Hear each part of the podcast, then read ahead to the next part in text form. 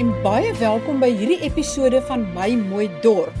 Die program waar ons graag dorpenaars help om van hulle dorpe weer modeldorpe te maak, die gemeenskap floreerend en natuurlik om die ideaal van werkskepping te bereik. Ek gesels ver oggend met Raslin Strydom en julle gaan nou-nou hoor waarom ek met haar gesels.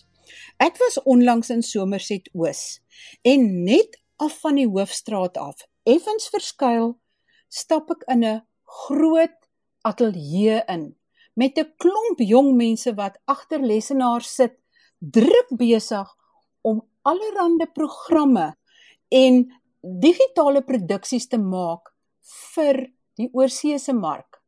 Een van die spanleiers is Raslin Strydom.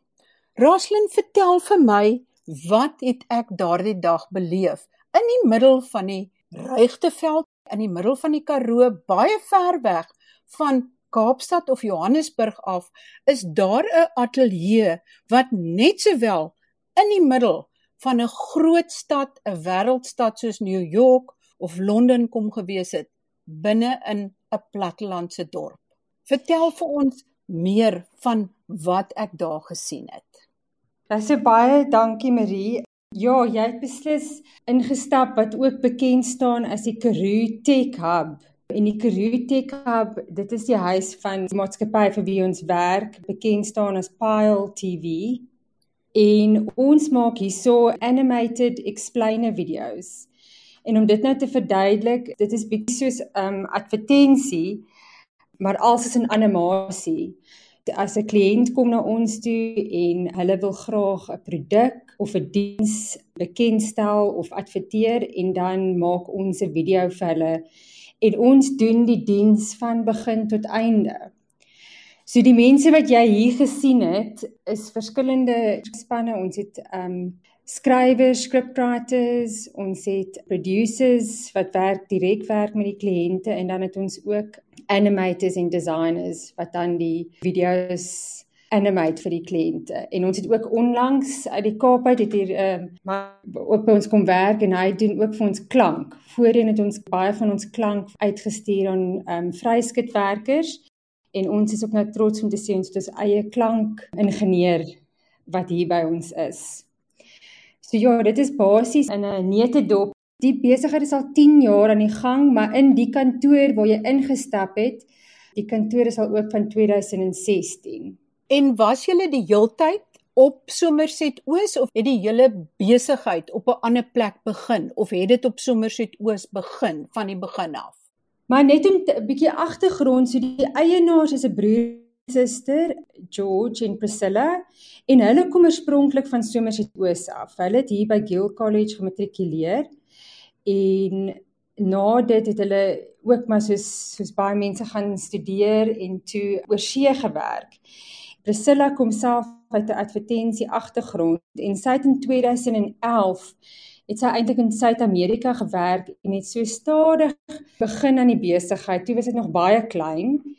En van Suid-Amerika het hy teruggekom somers het oos toe en die besigheid het toe hier aangegaan van 2015. Ja, en waar pas George in? Want dit is nou 'n suster en broer span hoofsaaklik. Ja, so George was ook oor see en hy het ook dis ook die tyd wat hy teruggekom het in 2015 terug somers het oos sy familie. Hy het ook 'n ingenieurs agtergrond en ook in in finansiële sektor gewerk oor see. Ek werk saam met hom aan die finansiële kant van die besigheid. Ek moet net noem George bly ook saam met sy gesin op Somerset Oos. Hy het hom nou daar gevestig. Ja, dis korrek. Wie is julle kliënte en hoe kry julle julle werk? Man Marie, ons het die besigheid eintlik begin as 'n UK of Verenigde Koninkryk um, geregistreerde besigheid en daai stuk van die besigheid is nog aan die gang. Maar soos die besigheid opgetel het, um, meer en meer kliënte uit Amerika gekry het en so hier in 2019 het is half dit druk op die besigheid gesit om te geregistreer in Amerika want dit is net makliker om daar met hulle besigheid te doen. So ons kliënte is hoofsaaklik uit Amerika uit. Ons doen baie bemarking daar en ons het ook groter agentskappe in Amerika wat saam met ons werk en vir ons besigheid stuur. En ja, en ek bedoel ons is baie trots en baie oorweldig met die hoeveelheid werk wat net inkom sodat ons jy weet die hele tyd werk skep en mense soek om by ons te kom werk. Ja, en ek verstaan dat julle ook juis omdat dit in Suid-Afrika vervaardig word, hierdie animasie promosie video's dat julle baie kompeterend kan inkom vir die Amerikaanse mark. Julle het hoë kwaliteit produk waarvoor jy glad nie terugstaan vir dit wat in Amerika of enige ander land geproduseer word nie, maar jy is kompeterend wat die geld betref. Dit is eintlik vir hulle goedkoper om van julle gebruik te maak as van 'n maatskappy in Amerika en steeds kan hulle dieselfde kwaliteit of selfs beter kry wat julle dan kan vervaardig. Ja, dit is so. Ons kan dieselfde produk teen die goeie kwaliteit goedkoper te maak. Ehm um, maar ek sal ook sê een ding wat hoog staan op ons diens, die diens wat ons lewer. Ons maak seker ja, dat ons 'n uitmuntende diens lewer van begin tot einde. Ek sê altyd dit is ek dink waar ons Suid-Afrikaners nogals ehm um, gesog is oor see en wanneer kom by ander lande want as dit kom by dienslewering en kyk na kliënte en die energie en passie wat jy weet wat mense in die werk insit, die kliënte voel dit en die terugvoering wat ons kry is altyd jy weet dit is so lekker met ons te werk, dit is so persoonlike diens. Ja, so dienslewering van hier af is ook en vir Amerikaners is dit ook belangrik. En die ander aspek wat ek bemerk het, is dat daar baie jong mense in julle ateljee is en baie kom van of Kaapstad of Johannesburg en hulle kom na 'n klein plattelandse plek omdat hulle daar 'n geleentheid kry om eintlik hulle vaardighede uit te brei. Vertel ons bietjie meer van die jong mense wat julle lok. Bly hulle gewoonlik langer as 'n jaar of 2 of gaan hulle vinnig terug stad toe? Hoe ondervind julle dit? Is die platteland vir hulle ook aanloklik? Ek het nou lank daaroor gesels, ek gaan probeer om dit kort te hou. Ek het nou sommer uitgewerk ons gemiddelde ouderdom in die in die maatskappy is 30. Ek dink dis ons wat bietjie ouer is wat daai opstoot. Kyk met skrywers en animators en designers, dit is 'n spesifieke jy weet skill wat mense moet hê, so dit is nie altyd iets wat ons sommer naby of in die dorp gaan optel nie. So ons moet mense kry van buite af. En ons was nog baie gelukkig sover dat ons mense soos jy sê van groot stede kon lok om hierheen te kom. En gewoonlik sê ons vir hulle jy kan kom na 'n plattelandse dorp, dit is nog redelik veilig, jy kan loop werk toe, jy hoef nie in die verkeer te sit nie. En jy werk vir 'n wêreldklas maatskappy waar jy baie baie goeie ondervinding doen. En dit is gewoonlik wat die mense lok, want die ondervinding natuurlik om te werk met oorseese kliënte doen hulle baie goeie ondervinding op. So dit is baie goeie goed vir hulle CV's. Sover vind ons nog ja, die mense bly hulle bly aan een uh, departement wat ons bietjie mee sukkel is om skrywers te kry om hierheen te kom en ons het eintlik nou vir hulle die opsie gegee om om dan vir 'n jaar, jy weet en sien hoe dit gaan en ons het um 39 voltydse werkers waarvan 9 reeds, jy weet van die huise werk, so hulle is of in uh Port Elizabeth, Kaapstad.